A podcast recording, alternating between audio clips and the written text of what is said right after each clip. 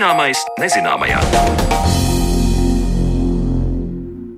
Esiet sveicināti! Skanējumu sāka raidījums Zināmais nezināmajā.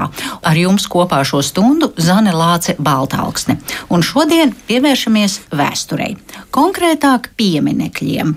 Raidījuma otrajā daļā mēs skaidrosim, kad meklējami ir aizsākumi pieminekļu aizsardzībai, kad sabiedrība nobrieda domai, ka vēsturiskas vērtības ir jāsargā īpaši, kā notika šis process, mainoties valdošajām varām Latvijas teritorijā, bet pirms tam pievēršamies pieminekļiem kapos proti to tapšanas process, materiāls kapu pieminekļiem un cilvēku vēlmes iekārtojot aizgājēja mūža mājas, un par to saruna ar akmeņkali Ivaru Feldbergu.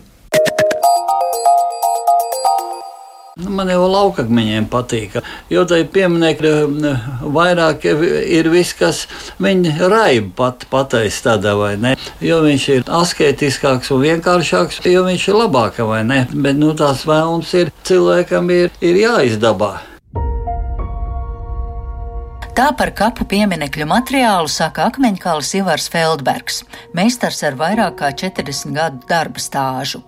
Un turpmākajās minūtēs uzzināsim Ivara Feldberga domas par to, kas ir gaumīgs kaps un kā notiek darbs pie kapakmeņa izveides.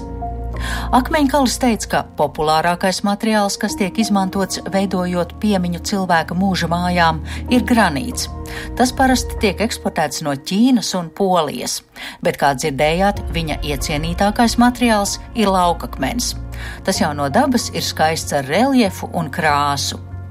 Vaicāju meistaram, kādas ir klienta vēlmes, kad cilvēks atnāk un aizgājējam pasūta kapa pieminekli vai akmeni. Ir jau visādi. Ir lielākoties jau, jau vienam otram, kas grib un jāpielāgojas viņa domai, vai ne? Jā. Bet ir viens otrs, kas nezina. Viņš saka, nu, tu izdomā, vai ne? Jā. Nu, dabīgi, kad ir jādomā, ir, ir visādi zīmējumi, ir pa daudziem gadiem ir palicis. Kādu no tiem zīmējumiem paceļ un piedāvā, bet ir kas izsaka savus domas, un tad līdzīgi arī uztaisa. Vai jūs varat aprakstīt? Kāda ir tā tehnika, kā notiek darbs, piemēram, atnes aizgājēju fotografiju, portretu? Jūs skatāties fotografiju, un tagad lūdzu jums to izkalt akmenī.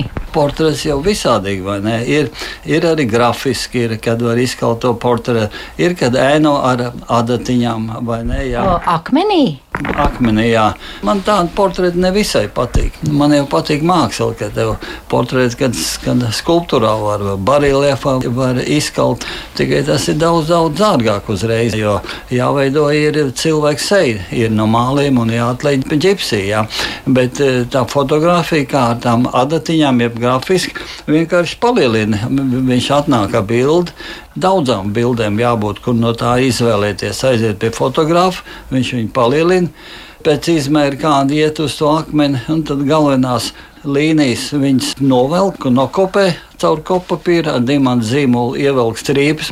Un pēc tam ir visvisāds, ir, ir ne, adatiņas, ir elektriskās, mehāniskās adatiņas, smalks, tāds ar cietmetāla sakausējumu, un tu viņus ēno. Tu skaties, tāpat kā gleznotais ar zīmolu ēno portretu uz papīra, tāpat ar asām adatiņām ēno uz akmeni. Nu, tā tas ir līdzīgi kā tetovējumu miesā. Var, tā tā, tā jā. ieskrāpē vai iepunktē akmenī. Jā, jā. Man personīgi tāda portreta kā latviešiem man nepatīk. Ja tas portrets vairāk pasūtīja Krievu vai ne tos portretus, virsnieku un tā tālāk, un ģimenes, visi, visi. Nu, tā tas ir aizgājis. Jā, bet nu, latviešu tautai tuvāk grafiski tēli, grafiski var iekalt. Un viņš ilgāk arī stāv. Bet ir taču arī tādas fotogrāfijas, kas ir kā, nu, pielīmētas klāt uz tāda ovāla. Kur... Porcelāna masa, tās ir fotodarbnīca, kur viņš taisa. Kā akmenī to fotografiju var nokopēt, atliet? Nē, nu kaļ viņi fotodarbnīcā pasūta to fotografiju, cik liela viņi ir, cik liela ovāluma un tad akmenī izkaļ tādu nišu, un vai līnija, vai cementa ar putriņu, tāds sajauc, ielīmē iekšā, vai nu, viņš tur paliek. Ja lūdzu klients veidot uzrakstu, Un reizēm var redzēt, ka uz kapakmeņiem ir arī nu, imitēts cilvēka rokraksts. Cik viegli vai grūti to ir? Tas nav grūti. Tu paņem to viņa parakstu, aizēj palielini parasti, cik lielu viņš grib uz to akmeni, nokopē, uzliek uz akmeni. Caur kopapīru nokopē ar, ar zīmolu, pēc tam ar dimantu zīmolu ievelk līnijas un ar kaltiem iet iekšā un kaļu. Kurā brīdī ir tā jūsu mākslinieckā darbība un klienta vēlmes, ja, piemēram, atnāk cilvēks un saka, es vēlos sērojošu meiteni, bet viņš nepasaka kādu, vai viņam ir būtiski, vai jūs viņam rādāt, vai viņa būs tāda, vai tur būs kaut kāds eh, svārku kroks vai bīzes. Vai... Tad jāatzīmē skices, kādas 2, 3, 4, 5 skices ir eh, variants. Pie kaut kāda varianta paliek viņš, ja kas patīk. Ja nepatīk, tad tas strādā tālāk pa jaunu. Atkal zīmē pa jaunu. Kamēr nonāk pie kopsaucēja, nu, ja viņam galīgi nepatīk, tad viņš iet prom. vai ne? Iet meklēt citu citur. Jā. Bet uz pieminiektu es nemaz tā nešķampo. Man nepatīk, vai ne? Man nav ražošana, man nepatīk. Jums ir katrs piemineklis kā atsevišķs mākslas darbs. Nu, katrs kā atsevišķs, jā, jā. Skatot uz neparastiem, izciliem vai dīvainiem kapu pieminekļiem pasaulē, ir jāmin franču rakstnieka zinātniskās fantastikas literatūras aizsācēja Žila Verna pēdējā adusas vieta Francijas pilsētā Amjēnā. Tur redzama ir izkalta vīrieša figūra, kas izstiept roku, grūž prom no sevis kapakmeni un kāpj ārā no kapa. Akmens statujai ir paša rakstnieka vaipsti, kas izmantoti no žila verna pēcnāvas maskas. Skulptūras nosaukums ir Ceļā uz nemirstību un mūžīgo jaunību. Ērmoti kapu pieminekļi redzami ASV Kanzasas štatā Hiavatas pilsētā, kur 1930. gadā mūžībā devās turīga zemnieka Džona Deivisa sieva Sāra. Sākotnēji sērojošais vīrs uzlika vienkāršu kapakmeni, bet drīz pēc tam Džons Deiviss noņēma kapakmeni un tā vietā uzstādīja marmora statuju. Un tuvākajos desmitgados Džons pasūtīja 11 marmora un granīta statujas, kurās viņa sieva tika attēlota dažādos vecumos un pat eņģeļa izskatā. Vienā no skulptūrām ir redzams marmorā kalts tukšs atpūtas krēsls, un līdzās tam pats Džons Deivids sēžot otrā atpūtas krēslā. Tagad šī kapa vieta ir viens no populārākajiem turistu galamērķiem Kansasas štatā, un šajās skulptūrās ekscentriskais vīrs ir iemūžinājis ne tikai savas sievas, bet arī savu piemiņu. Bet turpinot skatīt uz pašmāju kapu pieminekļiem, vaicāju akmeņkalim Ivaram Feldbergam par to, kāpēc nereti cilvēki jau esošos dzimtas kapos sev dzīviem esot uz kapakameņa iegravē savu vārdu, uzvārdu un dzimšanas datumu. Izrādās tas ir praktisku apsvērumu dēļ. Zinot, ka neesam mēs mūžīgi, jau laikus sagatavojam vietu, kur dusēt līdzās jau aizgājušajiem piedarīgajiem. Diezgan daudz man katru gadu viens otrs prasa, vai ne? Jā, kas ir dzīves. Es jau neko sliktu nes, nesaskatu. Arī es vienam vīram taisīju arī. Viņš pats izdomāja, kā pieminiektu. Viņš saka, es gribu, lai es redzētu, ko es pats esmu izdomājis. Lūdzu, uztaisīt, vai ne? Viņam uztaisīja, uzstādījām, un to miršanas vietiņu atstāja brīvu, vai ne? Pēc tam aiziet un piekaļ klāt. Viņš pats dzīvs esot sev pasūtījis kāpu pieminieku. Katru gadu tā ir. Tā kā Dulā Paulīna gandrīz. Jā, tā tur nekas slikts nav. Bet kāpēc gan ne? Jo mēs zinām, ka mēs neviens neesam mūžīgi, un, ja vēlas cilvēks skaistu sev to pēdējo adus vietu, tad kāpēc gan ne? Nu, tā ir, vai ne? Nu. Cik būtiski vai nebūtiski ir no materiāla tie kapu pieminekļi, mēdz pēc tam tur vai zāle vai sūna pārņemt, vai tas jums arī ir būtiski zināt, kas tur tiks stādīts vai kādi ziedi likt, vai ir. ietekmē tie krūmi vai augi? Arī, nu, es jau pēdējos gados, es jau saku, ka tos krūmus ir, ir jālikvidē viss, vai ne? Jā. Jo? Krūmos dzīvo ērces, krūms ir jāapgriež, krūms eh, samazina kapvietu platību.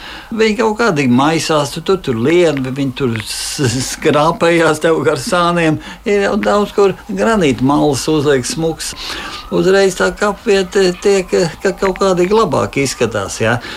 Nu, man principā viņi, viņi, viņi nevisai. Es daudziem cilvēkiem iesaku, ja vajag raujam krūmus ārā un likvidējam un liekam, ja ir līdzekļi, liekam granītu malus, iebetonējam, smukāk izskatīsies. Un lielāks kaps būs un mazāk kopt arī. Nereti vien kapu pieminekļi top arī mīļotajiem mājdzīvniekiem. Ir zināmi fakti par dzinieka Bairona uzstādīto kapa pieminekli viņa Ņūfaundlendietim Botsvainām. Populāra ir kaķu kapsēta Floridas štatā Kīvestā, kuru savulaik saviem ķepainajiem mīluļiem izveidoja rakstnieks Ernests Hemingvejs. Dažkārt mājdzīvnieku piemiņa tiek iemūžināta jau daudzus gadus pēc tam, kad mīlulis ir devies aizsaulē. Tā ir noticis ar kaķi Čipiju, kura 1914. gadā kopā ar britu polāra pētnieka Ernesta Šekltona komandu atradās uz kuģa Endurance, kas devās ekspedīcijā uz Antarktīdu. Diemžēl kuģis iestrēga ledū Vedela jūrā un nogrima. Cilvēku komanda izglābās, bet kā manus suņus un kaķi nācās nošaut. Jaunzēlandē Wellingtonā ir kaps Harijam Makneišam, kas bija galdnieks Šekltona ekspedīcijā uz Antarktīdu un bija arī galvenais aprūpētājs kaķim Čipijai. Lai godinātu šo astaino komandas biedru, Jaunzēlandes Antarktikas biedrība 2004. gadā Makneiša kapam pievienoja bronzas statuju, kurā ir atveidots kaķis Čipija. Arī manam sarunu biedram, akmeņkalim Ivaram Feldbergam, ir nācies veidot kapa pieminekli Latvijā vienīgajā dzīvnieku kapsētā Citi lauki. Man tur vienam es taisīju kaķim. Tur ir smuki, smuki darbi, tas kapos. Tur ļoti, ļoti daudz tie kapi kopt. Tie kapi ir labāk sakopti nekā vienā otrā Rīgā kapsaitā. Tur cilvēki iet un rūpējas par saviem mīluļiem. Nu, kaķītes izkaujā. Jā. Tieši vēlējās, lai kaķi ja, izskaidro. Nu, es, es piedāvāju, ka kaķis tika izgriezts reliefā, kaķa tēls, vai ne? Viņš tika savienots ar, ar vienu citu akmeni, un cilvēki ļoti apmierināti bija, un tā viņš ir stāvs. Tik tālu par kapu pieminiektu tapšanas procesu un to, kā no akmens bluķa top šie piemiņas elementi, bet par kultūra vēsturisko mantojumu un tā sargāšanu gadsimta garumā sarunā pēc brīža.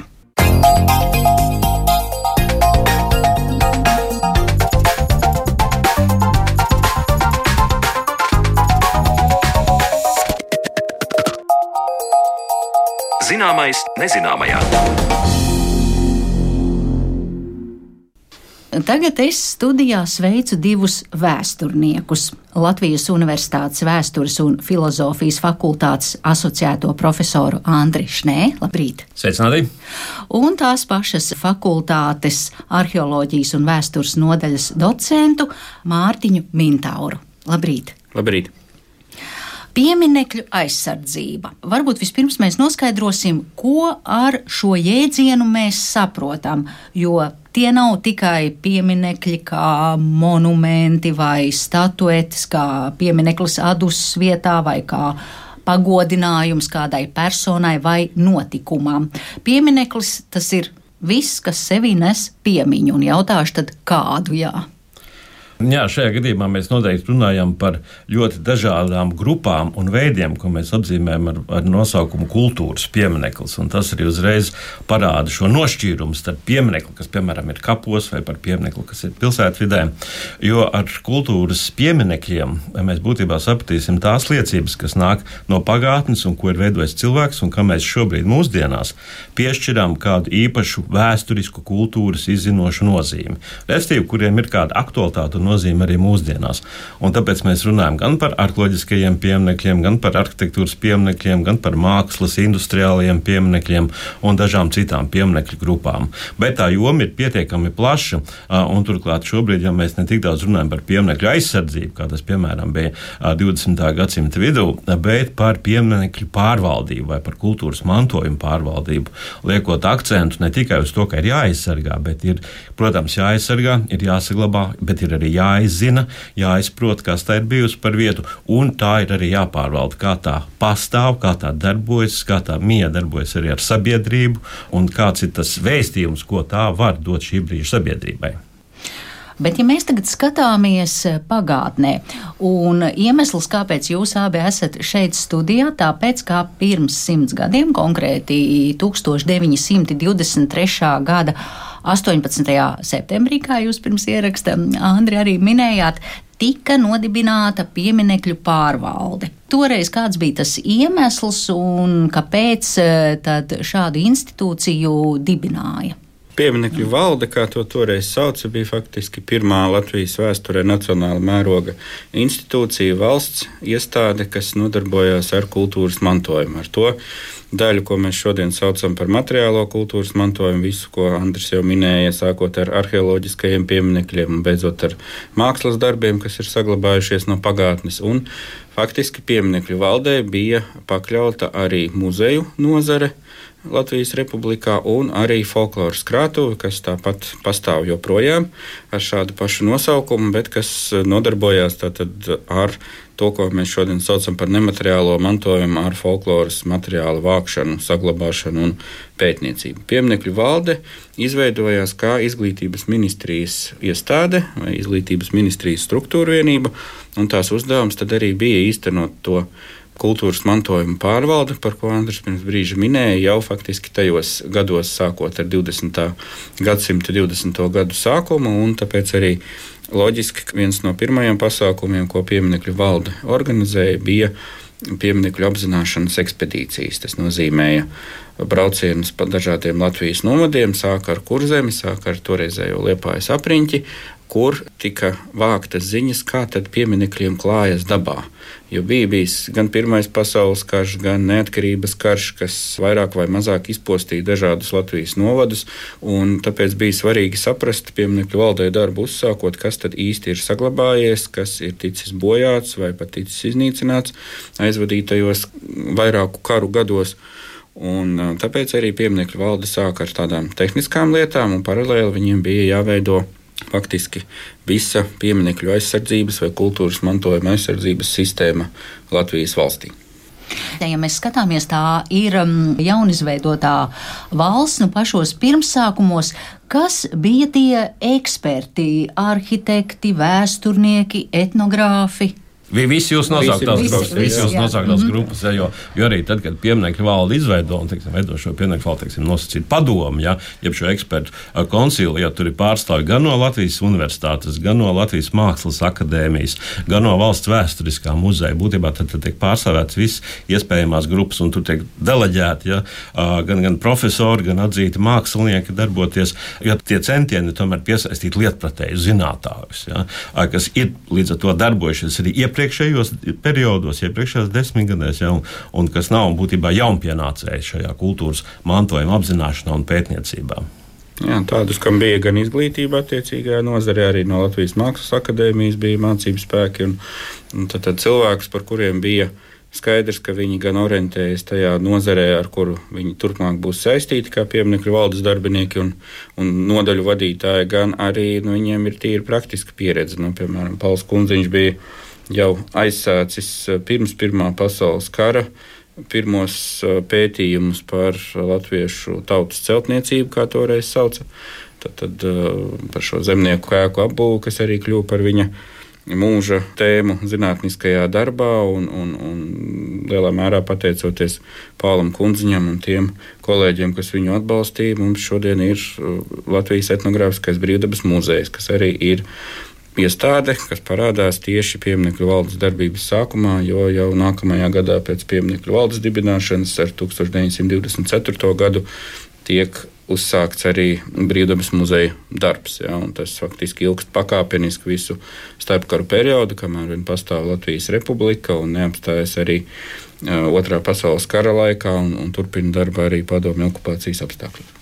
Un tajā vēl var pieminēt arī, ka tieši neilgi pirms pieminiektu valdes izveidošanās, tieši runājot par šo etnogrāfisko, jeb tautas celtniecības mantojuma apzināšanu, plašākas aktivitātes izveida arī tajā brīdī tikko dibinātā Latvijas augstskola, ja, kur vēl nav iegūsta nosaukuma Latvijas universitāte, bet kas Latvijas augstskola, un kuras arhitektūras fakultātes ietvaros arī tiek organizēts, arī nu, tādu mācību procesu ietvaros tiek organizētas studentu ekspedīcijas uz dažādiem novadiem, lai viņi fiksētu, uzmērītu, zīmētu šīs brūkošās zemnieku sēdes, kas iet bojā. Ja. Līdz ar to pirms pieminiektu valdes ir dažādi centieni no dažādām institūcijām, ja, lai, lai, lai, lai saprastu, kāda ir situācija. Tos var pieminēt arī tā saucamos pilnvārniekus, ja speciāli izveidotu amatu arī izglītības ministrijā, kur uzdevums bija ne, pēc Pirmā pasaules kara apzināt, kādi tad ir dažādu kolekciju postījumi, teiksim, gan mūža bibliotekās, mūža arhīvos, ja, baznīcas kolekcijās, ja, un censties ne tikai fiksēt to, bet nu, arī iespēju robežās paglābt šo kolekciju izvešanu no Latvijas teritorijas. Jā, par kolekcijām runājot.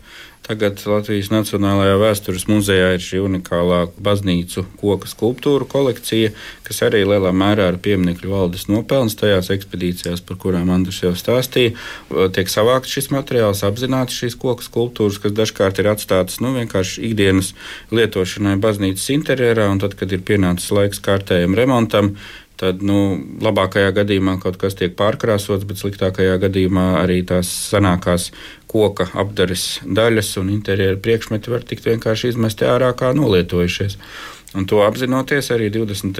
gados bija speciāla akcija kuru pieminiektu valde rīkoja un sūtīja pie draugiem savus gan uh, inspektorus, gan arī šos pieminiektu valdes līdzdarbniekus. Vēl bija tāda institūcija kā pieminiektu valdes brīvprātīgie palīgi, jeb tos tajā laikā sauc par līdzdarbiniekiem kuri arī apzināja gan to pieminiektu skaitu, šo uh, koku skulptūru atrašanās vietu un stāvokli. Un pieminiektu valde arī 30. gadu sākumā sarīkoja mm, šo baznīcas uh, skulptūru izstādi. Un tagad lielā mērā pateicoties pieminiektu valdē, mums šāds unikāls materiāls ir saglabājies. Jo var viegli iedomāties, ka pēc otrā pasaules kara kaut ko tādu vairs savākt būtu daudz grūtāk.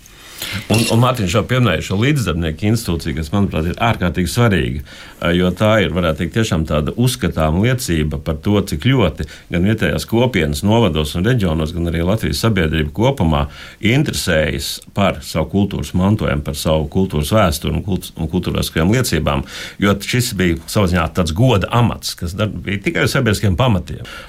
Bet lielā mērā tieši šī līdzdarbnieks sniegtā informācija ja, ļauj veidot arvien plašāku uzskatu uzskaita, ja, gan arī par jaunatklātajām liecībām, gan arī fiksēt dažādus pārkāpumus, jo, jo pieminiektu vēl cenšas cīnīties arī ar pieminiektu postīšanu, kas neizbēgami ir jebkurā laikā bijusi, un arī 20. un 30. gados tāda notika. Ja. Bet nu, tā sabiedrības iesaistība, sabiedrības atbalsts, ir tīpaši 20. gados, ir ļoti jūtams šajā brīdī. Kā tolaik notika šo pieminiekļu saglabāšana, aizsargāšana? Viens noteica šo statusu, bet otrs vai iekonservēja vai kaut kādā veidā restaurēja? Protams, ka status ir, manuprāt, pirmais jautājums, tā, kad mēs runājam par to, kā īstenot kultūras mantojuma pārvaldi, jo tās pieejas ir diezgan dažādas pasaules pieredzē, laika gaitā iegūtas. Viena no tām ir veidot noteiktu atlasītu vietu sarakstu, kas tiek valstiski aizsargāts, ja valsts aizsargājamo kultūras pieminiektu sarakstu. Un jaunā Latvijas republika tolaik izvēlējās šo pieeju, un tā arī tika turpināta vēlāk padomju okupācijas gados, ka visas kultūras mantojuma pārvaldības sistēmas pamatā ir šis valstiski aizsargājamo vietu saraksts kas tiek regulāri papildināts, kas tiek atjaunināts, ja kur dažas vietas tiek izslēgtas, bet, nu, cerams, un domājams, lielāks skaits vietu tiek ieslēgts un iekļauts šajā sarakstā, lai nodrošinātu tieši šīm vietām šo īpašo aizsardzības statusu, aizsardzības režīmu, pasakot, ka tās būs tās vietas, kuras, kuras saņems arī noteikti valstisku finansējumu, valsts interesi, arī šo likuma aizsardzību, kuras nedrīkstēs postīt, par to nesaņemot nekādu sodu.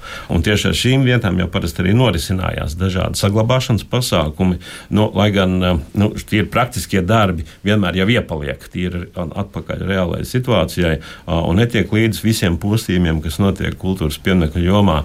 Jo arī pēc Pirmā pasaules kara un neatkarības kara Latvijas republikā bija pietiekami daudz zaudējumu, ja, arī šajā kultūrvēsturisko liecību jomā, bet nu, virknē gadījumu jau notiek ne tikai apzināšana, bet arī cenšanās veikt praktisku saglabāšanas darbus. Ja.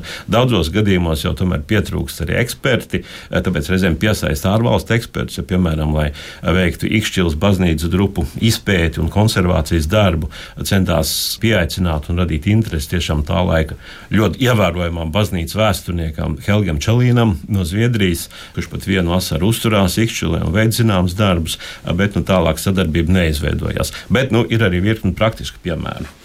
Jā, tādu piemēru ir diezgan daudz, jo, piemēram, attiecībā uz Latvijas Republikas agrāro reformu, to, ka tiek veidotas jaunas zemnieku saimniecības, ir jāatjauno lauksaimniecība un jāpāriet no mūža sistēmas uz jaunsaimniecības sistēmu. Tas arī bija liels, kā mēs šodien teiktu, izaicinājums un liela problēma pieminiektu valdē, jo Jau minētais Pauls Kunziņš arī bija tādas instrukcijas autors pieminiektu valdē, kas atgādināja, ka nosakot jaunsaimniecību robežas, nevajadzētu darīt pāri jaunsaimniekiem un saskaņot gan tās pieminiektu aizsardzības intereses. Tur bija lielākoties bija runa par arheoloģiskajiem pieminekļiem, par pilskauniem un, un senajām dzīvesvietām un, un, kulta vietām un citiem objektiem, kas varēja nokļūt uh, jaunsaimnieku īpašumā.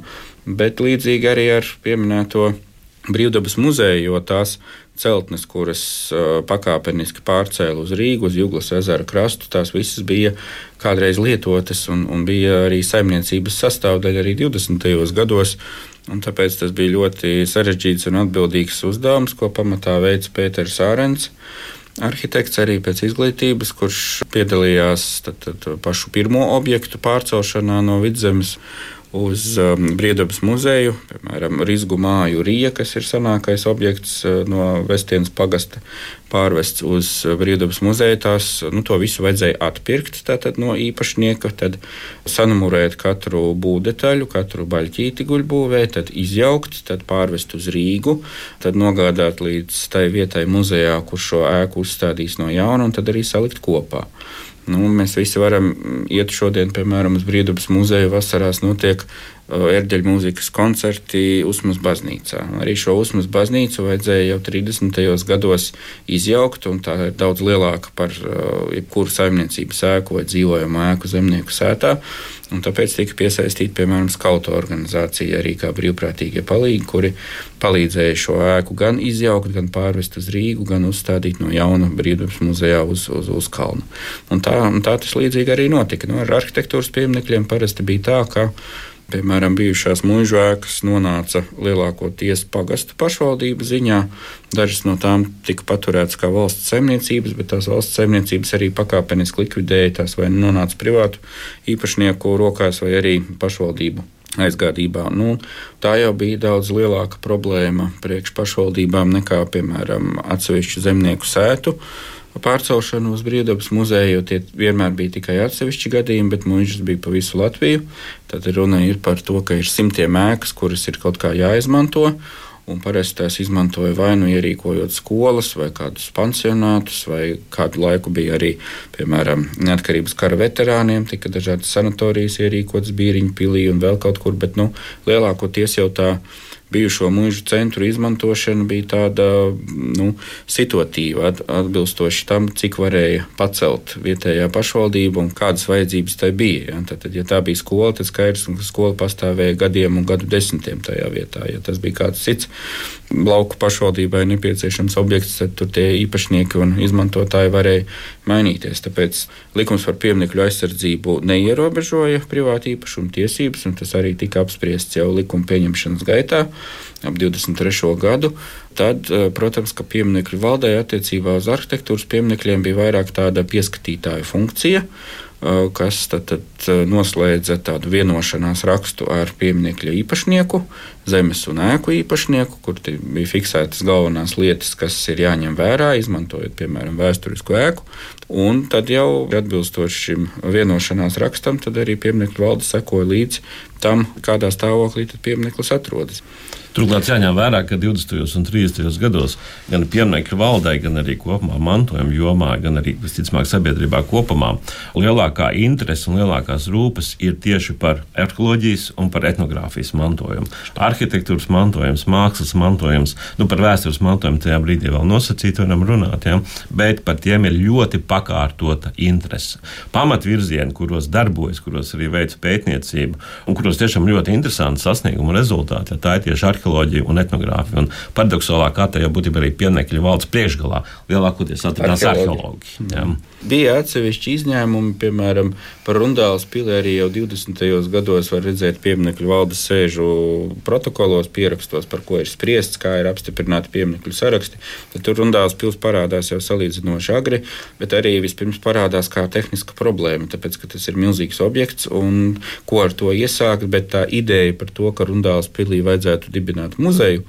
Un vai nu tas būtu tas, ko mēs šodien saucam par ārzemju mākslas muzeju, vai tas būtu kāds uh, valsts uh, mākslas muzeja, toreizējā valsts mākslas muzeja filiāli vai kaut kas tāds, nu, tāda apziņa par ļoti sevišķiem izciliem objektiem bija. Tas ir par pieminiekļu saglabāšanu un uzturēšanu. Bet eh, kā bija ar pieminiekļu nojaukšanu? Ja mēs skatāmies šodienas kontekstā saistībā ar eh, Krievijas kāru Ukrainā, ka pagājušajā gadā tika nogāsts mums šis piemineklis, arī sabiedrībā polemika ir tagad par Annas mhm. Saks un, un upīšu piemineklu. Kā tas bija pirmās Latvijas brīvvalsts laikā? Vai arī bija kādi pieminekļi, kur eh, šī valde teica, nē, to mēs gāžam nostāju, ir Krievijas impērijas palieka. Nu, tā tieši iesaista politikā jau tomēr nav vērojama. Jo pieminiektu valde tomēr ir profesionāla organizācija, ir valstiska institūcija, ja, bet tomēr tajā darbojas profesionāļi, kas nu, centās gan apzināt gan, šo mantojumu, gan arī uzturēt šo mantojumu ideju un vērtību dzīves sabiedrībā kopumā, ja kā pagātnes liecību kopumu.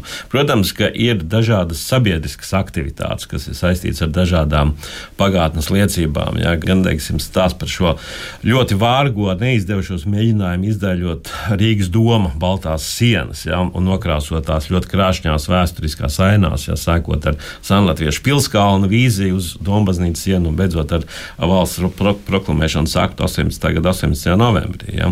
Bet, nu, kur arī pieminiektu valde tomēr nu, pat diskusijās neiesaistījās. Ja. Nu, mazliet tāda nopietnāka situācija izvērsās neilgi pirms pirmās padomju okupācijas 39. un 40. gadā, kad aizsākās šī diskusija par pilsdrupām, par to, cik nozīmīgas Latvijas sabiedrībai un Latvijas tā brīža tautai, ir tieši Pilsdrups, kas pēc dažu publicistu un sabiedrisko darbinieku domām pārstāvēja pretēju kultūras mantojumu, pretēju vēsturiski, tad šo vācisko vēsturi, vācisko mantojumu, ja, kuras nebūtu, nebūtu saistāmas ar tā brīža sabiedrības vajadzībām un aktualitātēm. Un pieminiektu valda arī šo jautājumu gan skata, gan apcelā, un atsevišķas pilsdrubs gan tomēr izslēdz arī no šī valsts aizsargājamo kultūras pieminiektu saraksta, nu, lai gan tik nozīmīgas lietas, kā piemēram cēlus pilsdrupes, nu, tur netiek pat skatīts jautājums, ja tās nebūtu vajadzīgas Latvijas kultūras mantojumam un Latvijas vēsturē. Ja?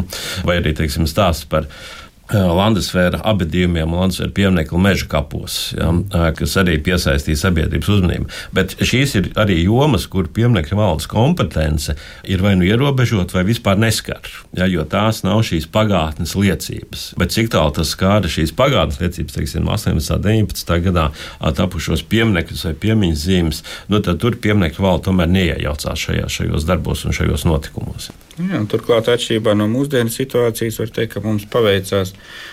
20. gada sākumā ar to, ka, lai gan bija ierakstīts jau minētajā likumā par pieminiektu aizsardzību atsevišķs pants, kurš tieši paredzēja, kā jūs teicāt, ja, tad, tad bijušo Krievijas impērijas un, un, un Vācijas pieminekļu ar viņu klātbūtni saistīto pieminekļu Latvijas teritorijā nojaukšanu. Bija tāds formāls punkts, bet nav izdevies atrast pagaidām ne tādu nojaucamu objektu sarakstu, ne arī teiksim, tā laika arhīvu materiālos, cik es esmu skatījies pieminiektu valdes arhīvu materiālus, un arī presē neparādās kaut kādas reportāžas vai norādes vai fakti par to, ka kāds iet un jauktu nost šos Krievijas impērijas vai Vācijas impērijas pieminekļus, jo Krievijas impērija savus pieminekļus nojauc pati. Un tas notika 1915. Eh, gadā, kad eh, sakarā ar Rīgas evakuāciju un frontes tuvošanos Rīgai, tad, tad ne tikai rūpnīcas un fabrikas tiek evakuētas ar visiem strādniekiem uz, uz Krievijas iekšējām guberņām, bet arī no Rīgas tiek aizvests krāsainais metāls kā militāra izēviela. Un tāpēc var teikt, ka pati Krievijas impērija ne tikai savāca baznīcu zvanus, gan no Rīgas baznīcām, gan arī no lauku draugiem. Bet, kas attiecas uz šīm statujām, pieminekļiem, monumentālo tēlniecību, Tad paši Krievijas impērijas militārie ierēģi demontēja gan Pētera I jātnieku statuju Rīgas centrā, no kuras palika tikai šis granīta postaments, gan arī tieši tādā pašā veidā demontēja Barklēda de Tolī skulptūru, no kuras arī parkā palika tikai postaments. Un uh, šos uh, objektus aizveda. Ja? Ne, ne tik daudz kā mākslas uh, pieminekļus vai kā vēstures liecības, bet saka, pie viena vācot prom visu krāsaino metālu, jo acīm redzot, gatavojās tam, ka fronti noturēt eh, Rīgas apkārtnē purvos nebūs iespējams, un ja vācu karaspēks ieņems Rīgu, tad eh, neatstāt nekādas strateģiskas izēvielas, tā skaitā krāsainos metālus eh, vācu karaspēka rīcībā. Tā kā pieminiektu valdē uzsākot savu darbu, faktiski nebija tādu objektu, kas liecinātu par Krievijas impērijas dižu klātbūtni šajā teritorijā. Bet kā tas ir vēl paturpinot par valdošo varu un par politiku, kā tas bija nākot pie varas Kārlim Ulmanim? Zinām arī, ka tika nojaukts ļoti daudz ēkas tepat vecrīgā, izveidojot doma laukumu. Jā, tas ir varbūt mazliet cits stāsts, bet ļoti, ļoti apjomīgs stāsts. Jo būtībā jau arī tad, kad izveidojas Latvijas republika un sāk veidoties arī kādas plānošanas institūcijas un ieceres, ja, tas ir viens no šiem pirmajiem jautājumiem, nu, ko tad darīt ar šo Rīgas vēsturisko centru, ja, ar vecrīgu, ja, kā to saglabāt. Tur ir arī tomēr zinām postījumi, kad laikā notikuši un parādās virkni dažādu ideju. Bet nu, rezultāts ir tāds, ja, ka 30. gadu beigās, ja tas, ko mēs arī redzam tepat pie Latvijas rādio mājas, ja, Doma laukums, ja jau sākumā 15. māja mailākums tas top un tiek izveidots, ja pateicoties šai milzīgajai nojaukšanas kampaņai, ja, kas ir 30. gada beigās, lai īstenot šī tā brīža vīziju par Latvijas Rīgu. Ja.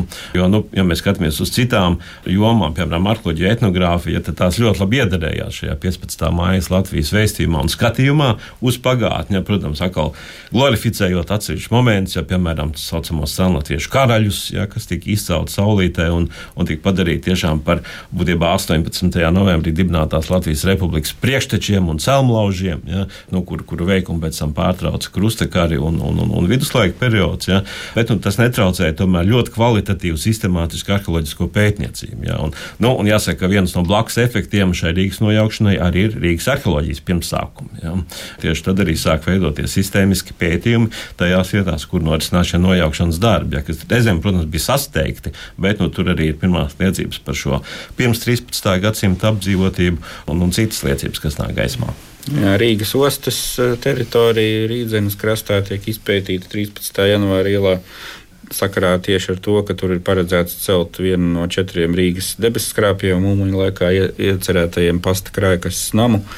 Un uh, arī tajā laikā, nu, kaut gan tas ir autoritārā režīma periods, un tā publiski tā kritika īpaši neizskan, ja mēs palasām presi, tad visi par to priecājas, kā top jaunā latviskā Rīga un nav nekādu iebildumu vai arī tie iebildumi var, par to, ka tādi iebildumi ir bijuši, var spriest netieši pēc tā, ka tiek presē kaunināti mūsu vācieši, kur iebilst pret visādu vecu žurku graustu nojaukšanu pilsētas centrā, un ka galvaspilsēta ir jāizdaļo un, un nedrīkst šādas vecas sēklas rēgoties apkārt domu baznīcai, piemēram. Ja? Nu, tas, protams, bija tāds ideoloģiski iecerēts pasākums, ko faktiski arī Ulmaņa laikā īpaši neslēpa. Ja, jo nevelti ne skandināja, ka tas viss tiek darīts Rīgas latviskošanas vārdā, un ka tas nozīmē gan tehniski uzlabot satiksmes apstākļus pilsētās, un, un vairāk saules, vairāk svaiga gaisa. Nu, laika biedri ir arī atļāvušies kritiskas piezīmes par to, ka, piemēram, doma laukuma izveidošana atgādina to pieeju, kāda bija 19. gadsimta vidū, kad rekonstruēja Parīzi. Un kad uh, mūsdienās, ja mēs aizbraucam uz Parīzes centru un esam Sitē salā un blakus Parīzes Dievmāts katedrālē, tad tur nav nekā no viduslaiku apbūves. Tas ir 19. gadsimta 50. gadu domāšanas veids, kad arī atstājot, saglabājot teiksim, izcilākos arhitektūras pieminekļus, tiem apkārt tiek veidota pavisam cita vide. Jo arī Doma baznīcas gadījumā arguments bija tāds, ka nu, jānojauc tās būdas, kas ir apkārt šim viduslaiku piemineklim, jo mēs vienkārši neredzam Doma baznīcu tikai atgāžot galvu atpakaļ, redzam torni, jā, bet neredzam nevienu no baznīcas fasādēm. Jā, redzam tikai Herdera laukumā nelielu fragmentu pieejas pašā katedrālē, un, un, un tālāk vairs neko, jo apkārt ir, ir dažādas ieciņas. Tāpēc tie argumenti bija dažādi, un, protams, ka bija arī finansiāli iebildumi, jo atkal jau šī ēku nojaukšana nenotika tāda, saka, komunistiskā garā, ka vienkārši atņem īpašumu un tevi izliek ārā, bet par to visu valstī vajadzēja samaksāt. Un arhitekti, piemēram, Pēters Bērskalns 30. gadu beigās arī bija sarēķinājuši un par to rakstīja profesionālā žurnālā Latvijas arhitektūra, ka nu, tas ir ļoti dārgs pasākums, ko ir iecerējusi valdība, nojaucot vienu kvartālu pēc otra, un varbūt tos līdzekļus, ko mēs tērējam, maksājot pārsvarā ne latviešu nekustamā īpašuma īpašniekiem, jā, atpērkot šīs ēkas, tad varbūt mēs tos līdzekļus varētu novirzīt kaut kādā jaunu ēku celtniecībā, nevis maksāt par, par nojaucamām ēkām, un tad vēlreiz maksāt par jaunu ēku būvēšanu to vietā. Tāpēc, protams, ka no mūsdienu viedokļa skatoties, tā vecrīgas tīrīšana bija, nu, jāsaka, no arhitektūras mantojuma viedokļa tomēr samērā brutāla. Tas, ka pēc tam uzreiz seko karš un, un, un, un lielais vecrīgas ugunsgrēks 41. gada vasarā, tas, protams, to visu aizsedz, ja, šo ulmiņa laika kampaņu par vecrīgas latviskošanu, bet arī pieminiektu valdes dokumentos var redzēt, ka viņi ir izskatījuši dažus jautājumus tieši doma laukuma sakarā mazāk par citām vietām, vecrīgā, kur bija plānoti un arī uzsākt šie nojaukšanas darbi, bet toreiz arī tā uztvere bija savādāka. Tagad mēs katru apbūves liecību uzskatām par ļoti vērtīgu un, un piemēram, atsaucamies uz tādiem jēdzieniem kā ielas ainava vai vietas ainaviskā kvalitāte un tam līdzīgi. Toreiz arī attieksme un uztvere par arhitektūras pieminekļiem bija daudz šaurāka. Patiešām arī pieminekļu sarakstos ir gan, gan Rīgas galvenās vecrīgas lielākās baznīcas, gan, piemēram, Zviedru vārtu ēka, kas arī 20. gados tiek rekonstruēta arhitektu biedrības vajadzībām, gan arī, nu, protams, Melngājas rācinājums un vēl dažas ēkas, bet tās ir atsevišķas ēkas, kuras kā tādi muzeja eksponāti arī tiek uztverti. Un pārējais, kas ir apkārt pilsētvidē, nu, protams, rāclaukuma iznīcināšana 41. gadā bija briesmīga traģēdija, bet arī 30. gadu beigās bija diezgan radikāls ieceres, kā rāclaukumu rekonstruēt, un tad tur paliktu, protams, Rācnams un Melngaunams kā tādu pieturas punktu, bet apkārtni tiktu diezgan būtiski pārveidot. Ja nebūtu sācies otrais pasaules karš un ja visa tā monumentālā celtniecība, kā to Ulmaņa laikā sauc, arī 39. gada rudenī, oktobrī, novembrī faktiski ar, ar likumisku rīkojumu netiktu apturēta. Ja, jo, jo viņi vienkārši nepaspēja īstenot to, kas jau daļēji bija uzsākts. Piemēram, Rīgas pilsētas biroju nama pamatiem jau bija izrakta būvbedra un pamati ielikti zem tagadējā latviešu strelnieku laukuma. Tur tajā daļā. Jo to teritoriju atbrīvoja no, no vēsturiskās apbūves vēl 38. gadā, paredzot, ka tur būs uh, jaunais Rīgas pilsētas valdes vai Rīgas pilsētas biroja nams. Man jums ir jāsaka paldies. Vēl palika neizrunāts tāds ļoti nozīmīgs posms pēc otrā pasaules kara un padomi laiki pieminekļu valdes darbība. Bet eh, to mēs atstājam kādai citai reizei sarunai studijā. Atgādinu, ka šoreiz viesi bija. Latvijas Universitātes vēstures un filozofijas fakultātes asociētais profesors Andris Šnē un šīs pašas eh, fakultātes arheoloģijas un vēstures nodaļas docents Mārtiņš Mintaurs. Paldies jums par sarunu! Paldies! Un, paldies. Raidījumu vadīja Zana Lāce Baltāksne, pieskaņu ierakstu pults bija Guntars Plūcis, par mūziku rūpējās Girts Bišs, raidījuma producente Paula Gulbīnska. Visu labu!